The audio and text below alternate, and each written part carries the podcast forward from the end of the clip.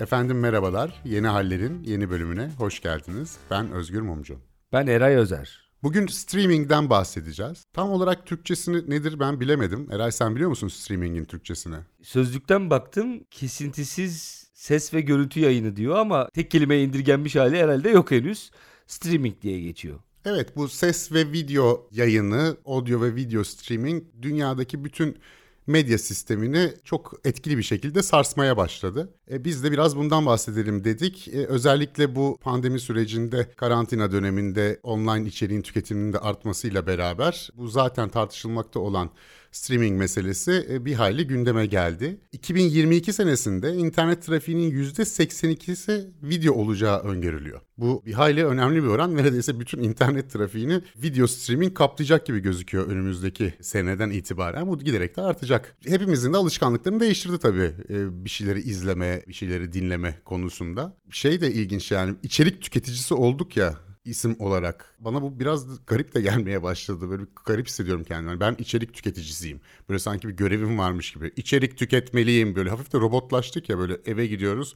Bir tane bir platformu açıyoruz. Bir 6 bölüm dizi falan izliyoruz içerik tüketmem lazım gibi hissediyorum kendimi. Ee, sende de oluyor mu ya? Böyle acayip bir içerik bombardımanıyla karşı karşıyayız bu streamingle beraber gelen. Evet ve kaçınılmaz olarak şöyle bir şey oluyor. Bir süre sonra artık tercihler yapman gerekiyor. İşte hangi platformu kullanıyor olacaksın? Bunların içerisinde hangi şovları izliyor olacaksın? Şov deniyor daha çok batı dünyasında. İşte biz klasik anlamda dizi diyoruz ama artık sadece dizi kelimesi de karşılamıyor gibi. 8 bölüm birden aynı anda geliyor karşımıza. Oturup onu bir gecede tüketiyoruz. Dizi dediğimiz şöyle haftalık normalde işte pazartesi akşamı saat 8'de filan beklediğin bir şeyken şimdi böyle löngürt diye karşına 8 bölüm birden çıkıyor. Tabii bu geçtiğimiz sene bu açıdan artık bütün tüketim hayatımızın şahikası, içerik tüketicisi olduk gerçekten korona ile beraber. Öyle hissediyorum ki aslında sende de vardır bu duygu ve ben etrafımda da gözlemliyorum keza kendimde de. E, artık biraz da sıkıldık sanki. Bir de tabii şöyle oluyor. Bu içerikler tabii o kadar fazlalar ki bunların böyle bir kremalı kısmı var. Bir de İngilizce'de junk denilen çöp kısmı var. Krema kısmını tüketiyorsun bir süre sonra işte 3 ayda 4 ayda geriye o çöp kısmı kalıyor. Yani gerçekten kalitesiz içerikler kalıyor ve artık sıkıntıdan bir süre sonra evde otura otura o çöpü tüketmeye başlıyorsun. Sonra da kendini bir süre sonra tam senin dediğin gibi ne yapıyorum ben ya bunu niye izliyorum ki şimdi derken buluyorsun. Benim öyle birkaç tane var izlerken kendimi yakaladığım ve ben ne yapıyorum abi bu çok kötü bir şey bunu niye izliyorum ki falan dediğim. E, kaçınılmaz olarak böyle bir yere düştük. Allah kurtarsın. Ya sevgili Eray bende bir de şöyle de bir durum var. Ben kötü içerik takip etmeyi de seven biriyim. Yani yıllar evvel Bilmem mi bilmem mi neler çektim ben bu yüzden. Yıllar evvel bir arkadaşımla bir oyunumuz vardı. Böyle sinemaya gidiyorduk. İki kişi gidiyorduk. Biri e, o anda işte sinemadaki işte 15-20 filmden en berbatı neyse onu seçiyordu. Diğerinin hangi film olduğunu da söylemiyordu. Ona sürpriz oluyordu. Beraber öyle filmleri izliyorduk. Ben öyle çok film izledim. Hala da bazen hani en kötüsünü özellikle IMDb'de de araştırıp hani en berbat puanlı alanı falan izlemeyi seviyorum. Ama bu çok fazla insanlara salık vermeyeceğim gereksiz bir hobi diyebilirim tabii buna. Tabii tabii biz de salık vermiyoruz. Yani buradan şiddetle insanları uyarıyoruz. Özgür'ün dediğini yapın, yaptığını yapmayın arkadaşlar diye. Yani ben Anaconda'yı da Anacondas adındaki Anaconda'nın ikinci devam filmini de sinemada izlemiş herhalde film ekibi dışındaki tek insan olabilirim. Evet evet yani bunların hepsini ben gözümün önüne getirebiliyorum. Biliyorum yani seninle geçirdiğimiz vakitlerde o akşamlarda işte neler izlediğimizi düşününce bunların hepsi ihtimal dahilinde. Belki ilgilenenler için onunla ilgili özel bir programda yaparız. Şimdi şöyle bir durum yok mu? Bu Netflix biraz tıraş bıçağına jilet denmesi gibi bir şey oldu ya. Hani e, kağıt peçeteye selpak denmesi gibi. İlk çıkan platform değil elbette ama dünyadaki en hızlı yayılan ve en çok bilinen platform.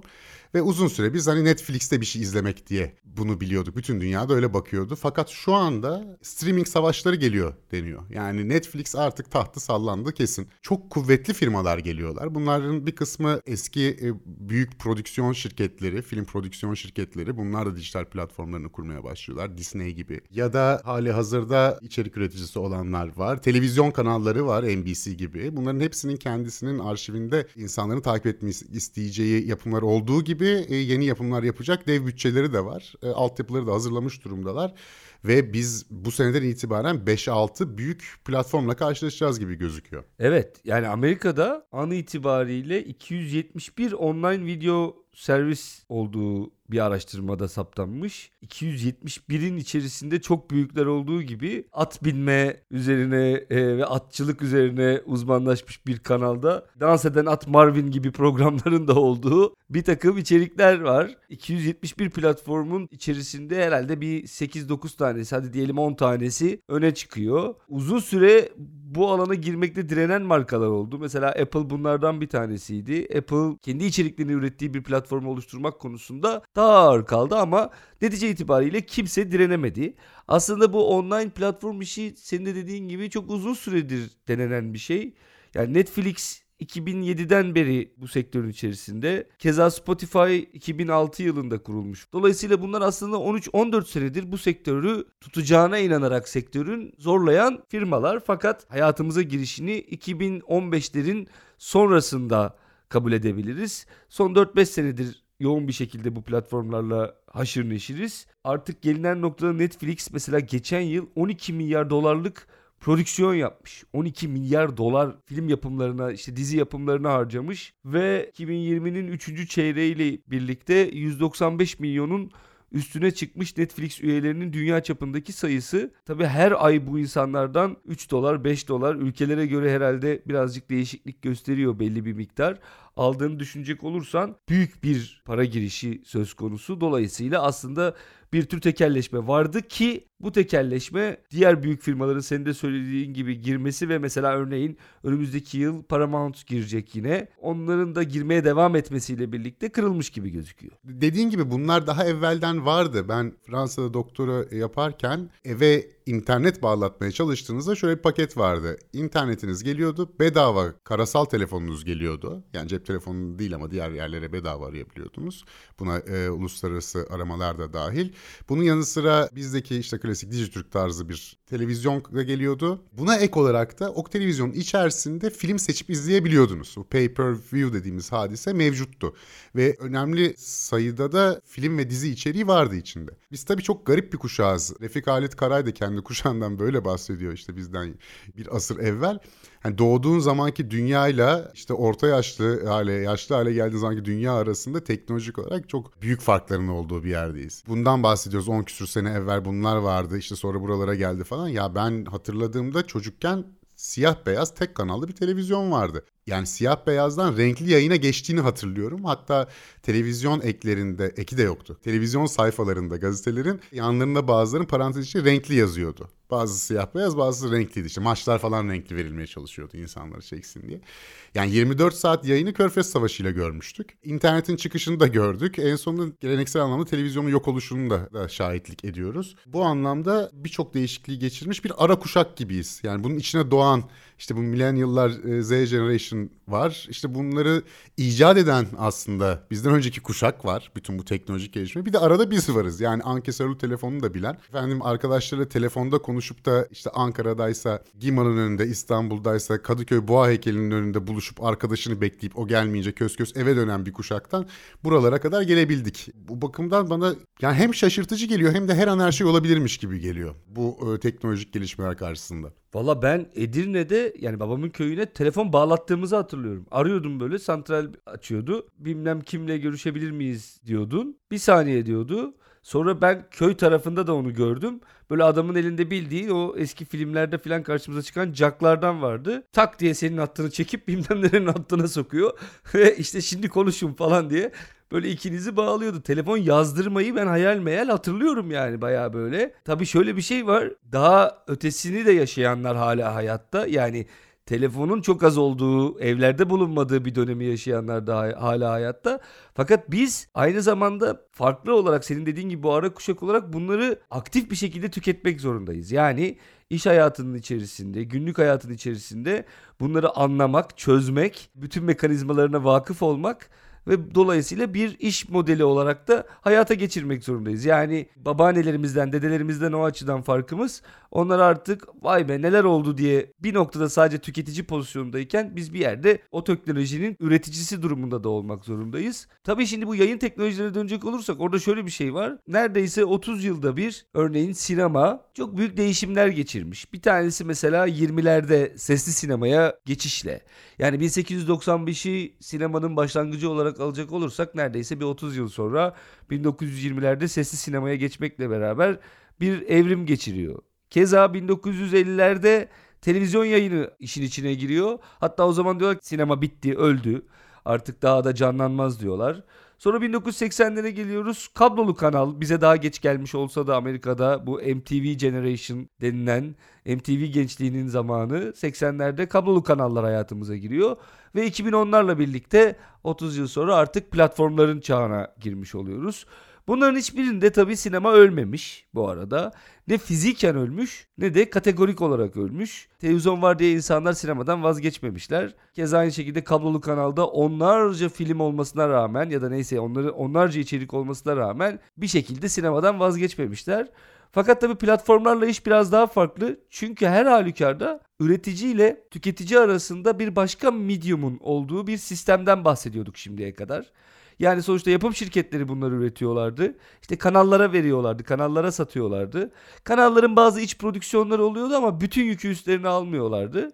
Şimdi öyle değil. Şimdi neredeyse üretici ile tüketicinin birebir de aynı anda, aynı saniyede buluştuğu ve üstelik tüketici davranışının saniyesine, milisaniyesine kadar gözlemlenebildiği bir yeni dönemden bahsediyoruz. Dolayısıyla bunun yeni konvansiyonları ve bir takım da zorlukları olacağı kesin gibi gözüküyor aslında. Ya dünyanın da en yeni teknolojisi değil bir yandan bakınca. Elbette e, yani internetin gelmesiyle beraber e, işte e, band genişliklerinin artmasıyla birlikte ciddi bir ivme kazanıyor ama ta 1910'lara kadar streamingi çekebiliyoruz tarihini.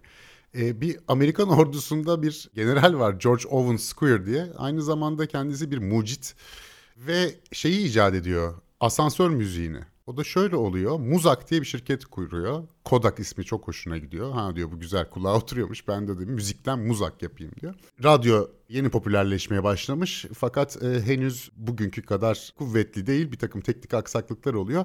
Ve radyonun olayı ne? wireless olması yani kablosuz olması. Biz şimdi kablosuzu şeyden alıyoruz ama e, bu internet için kullanıyoruz. Aslında ilk telsiz diyoruz ya adı üzerinde wireless işte yani kablosu olmayan radyo demek. Bunlar da kablolu radyo yapıyorlar. İlk kurduğu şirketin adı Wild Radio zaten. Sonra Muza geçiyor kablo çekiyorlar büyük e, otellere, iş yerlerine falan. Orada o kablolar aracılığıyla elektrik faturasından faturalandırılacak şekilde bu alışveriş merkezleri ya da e, dükkanlar oraya kolay dinlenebilecek müzik yapıp onu gönderiyorlar. Vardır ya bu asansör müziği dediğimiz hep dalga geçtiğimiz ya da dükkanların içerisinde hep böyle sizi alışveriş yapmaya teşvik edecek olan müzikler ya da sakinleştirecek asansördeyken müzikler gibi tematik bazı müzikleri besteletip onların yayınını yapıyor ve çok çok uzun yıllarda buradan büyük paralar kazanılıyor. Yani çok yakın zamana kadar yani 2010 senesinde sanırım en sonunda iflas ediyor. İnternete uyum sağlayamıyor, satın alınıyor vesaire ama yaklaşık olarak bir 100 sene böyle bir streaming tecrübesi var özellikle Amerika Birleşik Devletleri'nde. Ama sadece orada değil mesela asansör müziğini çok sevildi. Japonya'da da bu devam ediyor. Hatta geçenlerde bir kitapta okumuştum. Mesela Amerika Birleşik Devletleri'ndeki Budist tapınaklarının e, ya da yanındaki işte Budist kitap evlerinde yıllarca muzaktan kablolu bir şekilde gelen Budist ayinleri de dinlenmiş.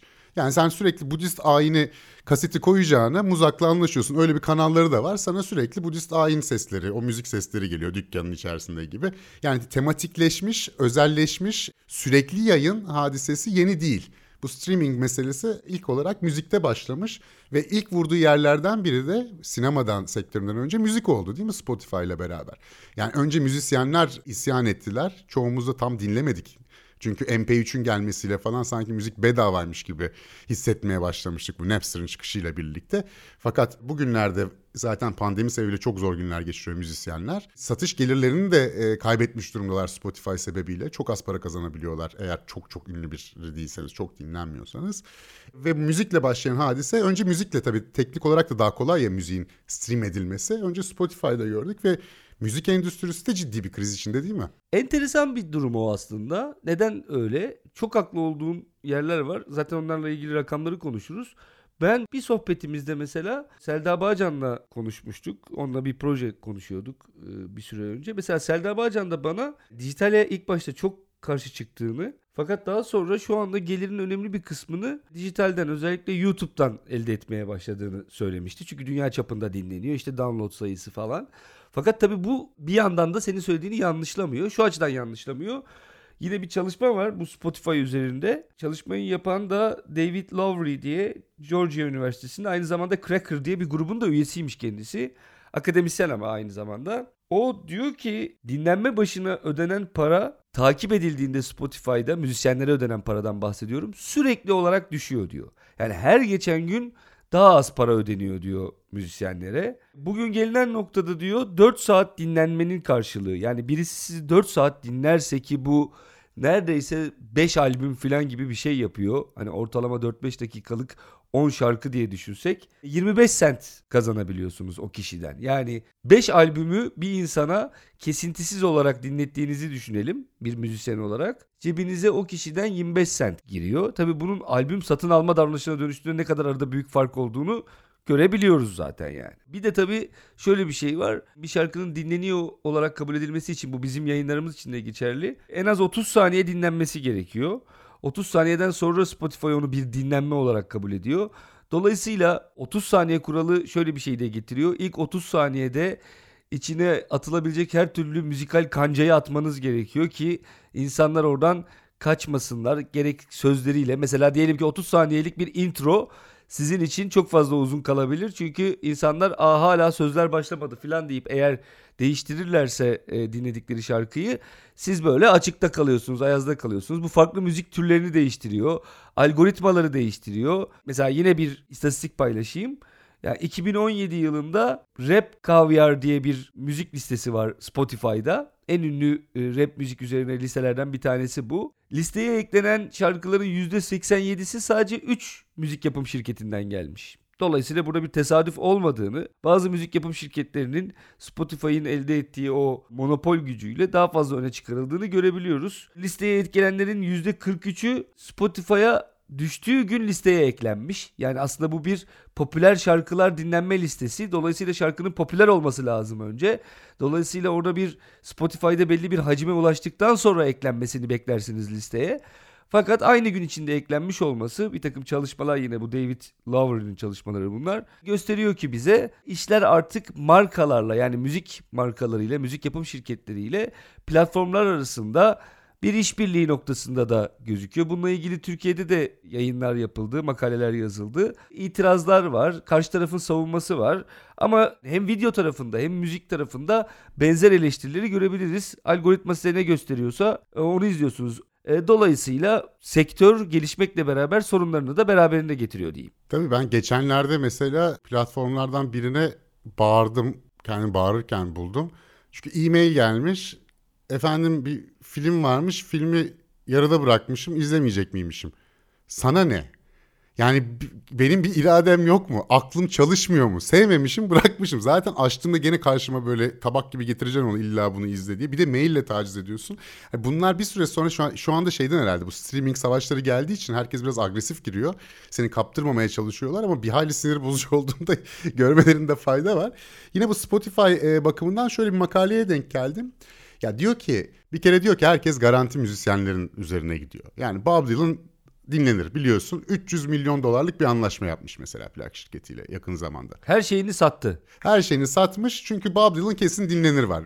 Mesela eskiler işte Blondie'ler, Fleetwood Mac'lar vesaireler bunlar garantili isimler bunlar çok da dinleniyor. Gerçekten yeniden yeniden geri geliyorlar. Mesela Fleetwood Mac'ın Dreams şarkısı ara ara tekrar platformlarda meşhur oluyor. E, tekrar remaster ile vesaire. Fena da şarkı değil ama yani böyle bir e, 70'lerin 80'lerin işte garantili şarkıların bir hegemonyası var. Bunun yanı sıra aynı makalede şunu diyor. Yeni gelen müzikleri ne yapacağız diyor. Yeni müzisyenlerin bu ortamda kendilerine bir nefes borusu açmaları, efendim e, daha alternatif ana akım müzik yapmayanların ortada kaybolmamaları çok güç diyor. E, bu hakikaten önemli bir sorun. Yani hem müthiş bir seçim özgürlüğümüz var önümüzde. Yani ben yine aynı hikayeyi anlatayım. Bizim jenerasyonun tuhaflığı. Ben kaset çektiriyordum. Yani e, sen de aynı şey yapmışsındır. İşte biz karışık kaset kuşağıyız. Öyle Blue Jean'den ya da varsa işte paran üç arkadaş beraber aldığın bir e, Hammer gibi bir heavy metal dergisinden falan bir takım albümleri öğreniyorsun. Matbu olarak bir e, kaynaklardan takip edip sonra gidiyorsun işte biz Ankara'da Shades Süleyman abi vardı Shades Tunalı 20'de oraya gidiyoruz. Abiye söylüyoruz şunlar şunlar varmış diye. O da elinde varsa onlardan çekiyor ya da senin daha önceki müzik zevkini bildiği için ya da tipine bakıyor. Ya bunlar sana gelmez deyip sana başka bir kaset veriyor falan.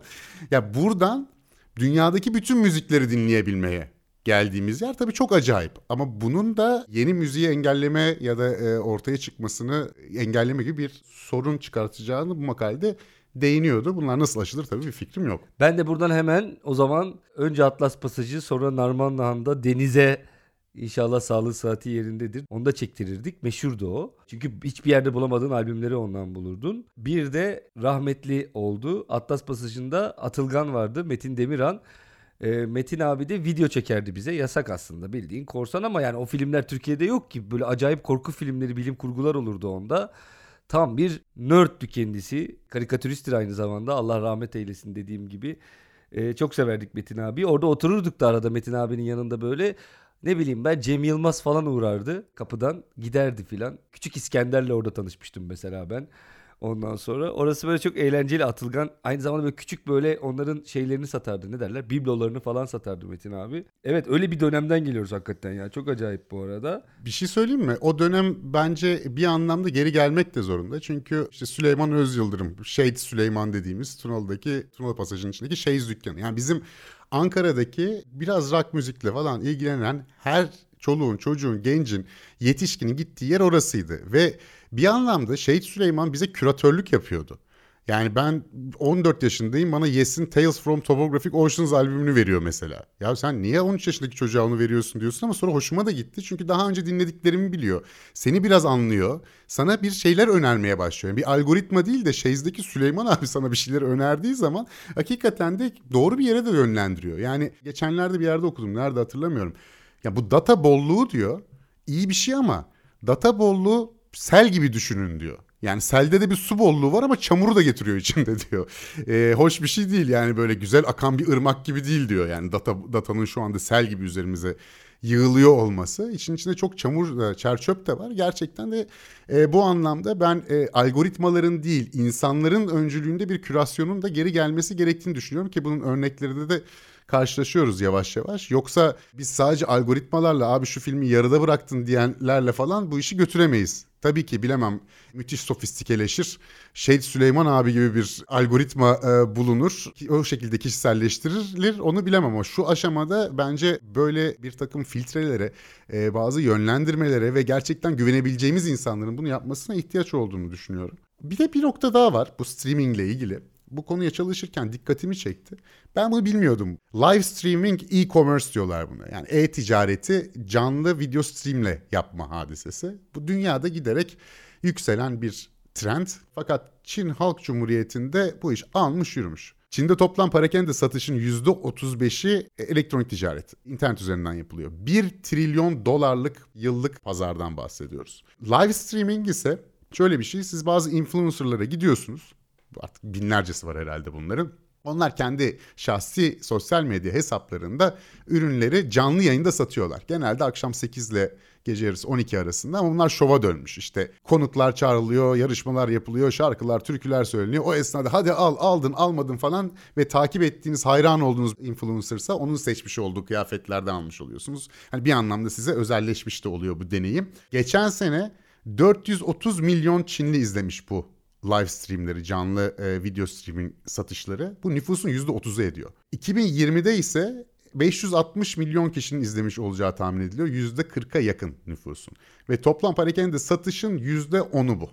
Yani Çin Halk Cumhuriyeti'nde toplam büyüklüğün %10'u, onda biri şu anda canlı yayınlarla e, e-commerce şeklinde gidiyor. E, buradan da bildiğimiz anda parakende pazarlamasının da live streamle beraber çok temelden değişeceğini öngörmek sanırım hayal olmaz. Evet yani düşünsene bu şeye işte eskilerde o televizyonlarda hala var gerçi böyle online satış çılgınlığının böyle bir vardığı bir yer vardı. Böyle satıyorum satıyorum sattım gibi böyle hani yarım saatliğine işte bunun fiyatı şu kadara düştü falan diye böyle telefonla bizde çok çok çok da sanki yerleşmedi. Bir ara ben annemi falan hatırlıyorum böyle telefonla bir şeyler satın alırken ama böyle deli gibi de yerleşmiş bir şey değildi. Oradan çünkü bilgilerini veriyorsun banka bilgilerini mi nasıl oluyordu artık öyle bir şeydi herhalde. Valla ne kadar yerleşti bilmiyorum ama biz bizim ilgi alanımıza girmemiş de olabilir. Yani gecenin 12'sinde bal mı alacaksın abi televizyondan? Canlı Ki canlı. aldığın bal mı bu arada? Hayır gaza gelip canlı canlı gecenin 12'sinde yarımında telefon açıp birileriyle yarışıp canhıraş bir şekilde falan aslında yani e, keşke öyle eğlenceler tertip etseymişiz. Şimdi mantıklı gelmeye başladı. e, burada bence ilgi görmüştür. Birçok kanal vardı çünkü Türkiye'de açılmış ama özel bir bilgim yok. Burada fakat sayılar gösteriyor ki bu giderek artacak. Amerika Birleşik Devletleri'nde de bunun artacağını düşünüyorlar. Çin'den bazı şeyler haberlerde gördüm. Sen de denk geldin bilmiyorum. Böyle influencerlık eğitimi alan Çinliler var. Önlerinde bu yuvarlak YouTube e, ışıkları, telefonları koymuşlar. Yüzlerce insan kocaman bir salonda böyle alıştırma yapıyorlar. Bir şey satma alıştırması, teknikleri falan öğreniyorlar. Ve mega influencer'dan mikro influencer'a geçiriliyor deniyor. Yani bu hani 100 milyon takipçili bilmem ne falan yerine daha niş işte onun 3000 takipçisi var ama hani bini onu satın alıyor. O da çok acayip mesela e, bir bilim kurgu karakterin bilmem ne başlığını satıyor. Yani böyle özelleşmiş e, bir takım e, live streamingler de başlamış. Hakikaten bütün bunların birleşimi yani telif hakları konusunda müzikte, sinemada ciddi sorunlar var, dizide sorunlar var. Bu parakende pazarlamada bu tamamen mikro influencerların eline mi geçecek? Bunlar bazı ağlar oluşturacaklar, başlarına bazı tekeller mi geçecek? Çok soru işareti var. Hatta sinemada geri dönersek, sinema ve dizi meselesine, video streaming'e şu bile konuşuluyor. Yani bu şekilde devam ederse insanlar online dijital içerik tüketiminde e, episodik bölüm bölüm olanları tercih ediyorlar. Öyle bir eğilim var. Zaten daha çok dizi ve daha az film görüyoruz. Yine bizim jenerasyon için neydi? Sadece televizyon var iken sinemada daha iyi oyuncular oynardı. Dizide işte sinemada iş bulamayan televizyona iş yapılan hadiseydi. Yani tek kanal varken iki kanal varken bu dünya için de geçerli. Çok nadiren büyük bir oyuncu dizide oynardı. Çok tutan diziler olmakla beraber. Televizyon işi vardı o biraz daha tırnak içerisinde basit idi. Bir de sinema işi vardı o daha sofistikeydi ve şu anda zaman içerisinde dizilerin nasıl kuvvetlendiğini gördük. Artık en ünlü oyuncular dizilerde oynuyorlar. En e, kuvvetli isimler, en büyük prodüksiyonlar oraya aktarılıyor. Ve şimdi sinema filmlerinin azalacağını, dizilerin artacağını öngörüyoruz ve görüyoruz.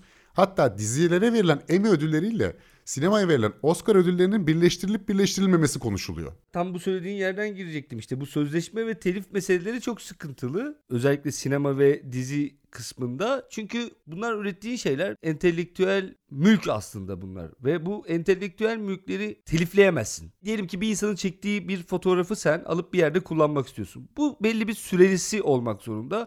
Bu süre içerisinde işte diyorsun ki ben senin fotoğrafını web sitemde 5 yıllığına kullanacağım mesela. Şimdi Türkiye'de tabii bu telif konusunda çok daha geride olduğumuz için bunlar böyle birazcık fantastik konuşmalar gibi gelecek eminim ama yapacak bir şey yok. Durumun somut karşılığı dünyada bu. Herhangi bir entelektüel içeriği bir şekilde ömrü billah sonsuza kadar telifleyemezsin. Telif sahibine söylemen lazım. Kardeşim ben senden bunu 20 seneye şu kadar paraya alacağım. Şimdi birinci sorun platformlarda bu. Bu ürünler yani bu platformlara üretilen ürünler ne kadarlığına teliflenecek ve hangi insanlara? Kimler ondan ne kadar para alacak? Çünkü şimdi yeniden gösterim dediğimiz bir şey var. Yine Türkiye'de çok fazla bu konuda da sorun olduğu ve yaşandığı için malum Kemal Sunal filmleri için hep söylerler ya Kemal Sunal tekrarlarından para alsaydı şimdi Türkiye'nin en zengin adamıydı filan gibi. Bu sorun batıda başka bir noktada duruyor.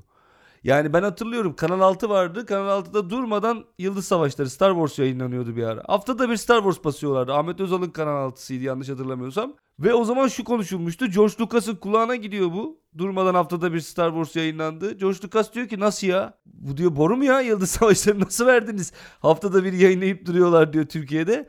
Ve Türkiye'de yıllarca izin vermedi Yıldız Savaşları'nın yeniden yayınlanmasına. Çok sonra yine bir özel kanalda Star'da mı ne yayınlandı. Epey bir uzun süre Yıldız Savaşları Lucasfilms'ten gelen talimat üzerine yayınlanamadı. Şey gibi değil yani Netflix'e bir dizi üretiyorsun diyelim. izlendi geçti. Tamam burada hadi belki sorun yok. Ama şimdi diyelim ki yine Disney'e Star Wars Yıldız Savaşları'nın yeni serisini ürettin. Ve dijital bir platforma koydun onu. E bu 50 yıl sonra yeniden izlenecek işte izlenme sayıları artacak bir şey. Bir içerik. Dolayısıyla onu senaristi demeyecek mi kardeşim ben bunu yeniden gösterim yani bir para aldım. Prodüksiyon parası aldım. E ama yeniden gösteriminden para kazanamıyorum. Keza oyuncuları için aynı şey geçerli. HBO Max'te Noel günü Wonder Woman 1984 yayınlandı. Aynı anda hem vizyona girdi hem de HBO Max platformunda yayınlandı. Çok büyük bir kavga çıkmış başrol oyuncusuyla platform arasında. Kavga derken yani ticari müzakere anlamında kavga. Kadın demiş ki gişeden alacağım payı düşürüyorsunuz bunu yaparak çok doğru olarak. Gal Galdot diye bir İsrail asıllı bir oyuncu baktım ona da. Benim demiş gişe şeyimi düşürüyorsunuz gelirimi. Dolayısıyla bana öyle bir para vermeniz lazım ki demiş. Bunun gişede bana getireceği içerikler, ileride getirebileceği içerikler açısından beni tatmin etmeniz lazım. Nitekim 10 milyon dolar almayı başarmış. Fakat işte dediğim gibi senaristler için aynı şey geçerli değil. Mesela 13 bin üyesi olan bir senarist birliği şu anda greve gitme hazırlığı yaptığı söyleniyor. Tam da bu yüzden biz sonsuza kadar online platformlara bunu vermek zorunda mıyız diye. Son bir şey daha söyleyeyim. Bir de mesela e, hangi cihazda izleyeceğimiz de önemli. Yani burada da mesela bir savaş var. Şu açıdan savaş var. Şimdi Amazon bir cihaz üretiyor ve diyor ki işte benim cihazım var diyor. Bu media player dedikleri şey. Yani o televizyonların kendisine gömülü vaziyette gelebiliyor uygulamalar. Mesela açıyorsunuz televizyonunuzu işte akıllı televizyon içinde Netflix var zaten. Tamam Netflix hatta kumandalara Netflix diye girdi Türkiye'de değil mi? Ama şimdi bu platformlar arttıkça işte Amazon'un kendi cihazı var. İşte ne bileyim ben HBO'nun kendi cihazı var diyelim. Şimdi bu cihazlar içerisinde de hangisi ne nerede yayınlanacak? Hangi uygulamalara izin verecekler? Bir centilmenlik anlaşması yapmaya çalışıyorlar. Google, Apple, Amazon, Netflix. Ama mesela örnek çok basit örnek Roku diye bir cihaz var. Türkiye'de çok popüler değil. Ben baktım bizde satılıyor aslında ama çok popüler değil. Bir media player. Mesela HBO Max ile anlaşması olmadığı için HBO Max'in uygulaması Roku'da yok. Ama Roku bütün Amerika'da pazarın %30'u yani izleyenlerin %30'u Roku'dan izliyor. 46 milyon tane kullanıcısı var. Dolayısıyla şimdi şöyle bir sorun var. HBO Max'i izleyemiyor adam oradan. Yani daha konvansiyonlara oturmuş vaziyette değil. Ciddi bir sektöre ait bir takım sıkıntılar var. Elbette ki bu arada bunları söylerken bunlar aşılacaktır. Yani bir şekilde aşılmak zorunda. Bu telifler belki süreli olacak. Belki Netflix'in bir içeriğini bir süre sonra Apple TV'de de göreceğiz. Çünkü entelektüel mülkün sahibi abi ben 10 yıllıklı sözleşmemiz ben şimdi artık Apple'a veriyorum bu içeriği diyecek. Yani bilemiyoruz bunları göreceğiz zamanla. Yani mal sahibi, mülk sahibi, hani bunun ilk sahibi gibi bir durumla karşılaşacağız. Bu arada bu Warner Bros. bu sene çekeceği 17 filmin hepsini önce dijital platformda e, yayınlayacakmış. Yani sinemaların krizini zaten ayrıca konuşmak lazım sinema salonlarının. Bir başka kudum e, makale ise Bollywood hakkındaydı. Bu sadece Amerika Birleşik Devletleri'ni ilgilendirmiyor. Yani Türkiye'de de e, ardı ardına platformlar kurulmaya başlanacak. Bir iki örnek var, yenileri de geliyor. E, Bollywood bu sene 20 küsur büyük prodüksiyon yaptığı filmi e, hepsini online olarak yayınlıyor ve Netflix'in orada büyük bir hakimiyeti var oraya ciddi bir yatırım yapmış. Bollywood'da binin üzerinde Hindistan'da sinema salonundan bahsediyoruz. Yani Dünyada herhalde Hollywood'dan sonra ikinci büyük sinema sektörü. Bir sinema ülkesi e, Hindistan. Tabii ki Amerika Birleşik Devletleri kadar interneti yaygın değil ama giderek orada yaygınlaşıyor bir orta sınıflaşmayla birlikte. Ve şu anda Hindistan'ın çok ciddi olarak dijital bir dönüşüm geçirdiğini ve Bollywood'un da neredeyse tamamen online'a geçeceğini öngörmek mümkün. Yani yeni bir dünya ile karşı karşıyayız. Orası kesin. Tabii çok orkoluk yapamadan hafiften bağladı çünkü streaming teknolojisiyle ilgili orkoluğun da bir sınırı var. Yani şey gibi yani böyle arkadaşlar dikkatli tüketelim filan da olmaz yani şöyle bir durumda işte çok da kendinizi dijitale vermeyin biraz hava alın falan dışarı çıkın falan da diyemiyoruz. Spor yapın falan diye. Şunu söyleyebilirim herhalde. Yani bütün bu hadisede benim hep düşündüğüm şu mesele. Şimdi bu kitap okumak, yalnız kitap okumak dediğimiz hikaye bir hayli yeni. Yani daha evvel kitap yoğuymuş ortalıkta değil mi? Yani az var. Ya yok elle yazılıyor. Matbaa geçtikten sonra da az insan da var. İşte birisi alıyor okuma yazma bileni bütün kahveyi okuyor. Ya da işte evde okunuyor, diğerleri dinliyorlar. Kitabın insanın bireysel olarak okuduğu, yalnız kalarak tükettiği bir şey olması mesela yeni bir hadise.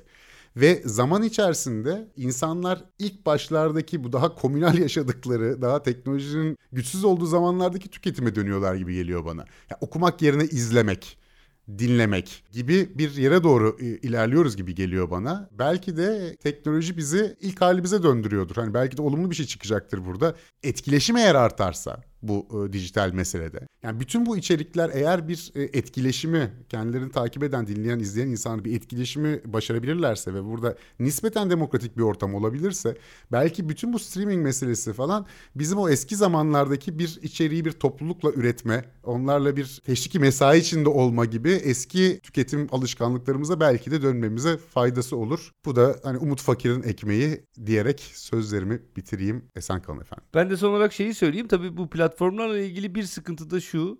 Onu da eklemeden geçmeyelim. Bir de işin kullanıcı kısmı var. Bizim açımızdan da şöyle bir sorun var. Biz hangi platforma kaç para verip bu işin sonu nereye varacak yani? Oradan bir tane dizi var ona da üye olalım. Burada bir dizi var ona da üye olalım. Bu işin sonu nereye varacağını da ben merakla bekliyorum. Çünkü ciddi anlamda bir e, şikayet oluşmuş durumda. Bugün kullanıcıların %50'si fiyatlardan şikayet eder hale gelmiş. Daha doğrusu hangi platforma vereyim paramı bilemedim kaldım ortalıkta diye. %77'si ise insanların platformu alırken fiyatlarına dikkat eder hale gelmişler. Henüz %2 seviyesinde ben bu ay bir platformlarımı gözden geçirip bazılarından çıkacağım bazılarında kalacağım deme. Ama orada da büyüyen bir trend görüyorlar. Dolayısıyla bu işin sonu bu anlamda da nereye varacak? Hangi birine ne kadar para harcayacağız? Onu da merak ediyorum. Ben de bitirirken şunu söyleyeyim son olarak. Şiir mi okuyacaksın abi? Evet Marshall McLuhan'dan şey önemli bir şiirle bitirmek istiyorum. Kendisi felsefeci ve medya teorisyenidir efendim. McLuhan iletişim fakültelerinde okuyanlar belirler. Medium is the message der. Yani bir şeyi nereden izliyorsanız medium'un kendisi, o aracın kendisi aynı zamanda size bir şey anlatır. Bir şeyi gazeteden okumakla bir haberi örneğin televizyondan izlemek arasında ciddi bir fark vardır. Televizyon başka türlü anlatır aynı haberi, gazete başka türlü anlatır. Şimdi biz yeni bir medyuma geçiyoruz. Bu televizyon ekranlarını kullanan ama tüketim biçimiyle televizyona benzemeyen bir medium, bir araç. Dolayısıyla işin nereye varacağını göreceğiz. Ama öyle geliyor ki sonu hiç beklenmedik bir yere çıkabilir. İçeriğin bunca bolluğu içerisinde kendimizi dağlara kırlara vurmak isteyebiliriz. Belki de böyle bir faydası olur son tahlilde. Diyerek sözlerimi ben de bitireyim efendim. Kalın sağlıcakla bir sonraki bölümde görüşmek üzere. Merhaba. Bu bölüm biterken size ufak bir notumuz var. Yeni hallere destek olmak, bültenimize, konuklu özel bölümlerimize ve köşe yazılarımıza erişmek için Patreon hesabımızı ziyaret edebilirsiniz. Hesaba ulaşmak için patreon.com adresine yeni haller yazıp aratmanız yeterli. Teşekkürler.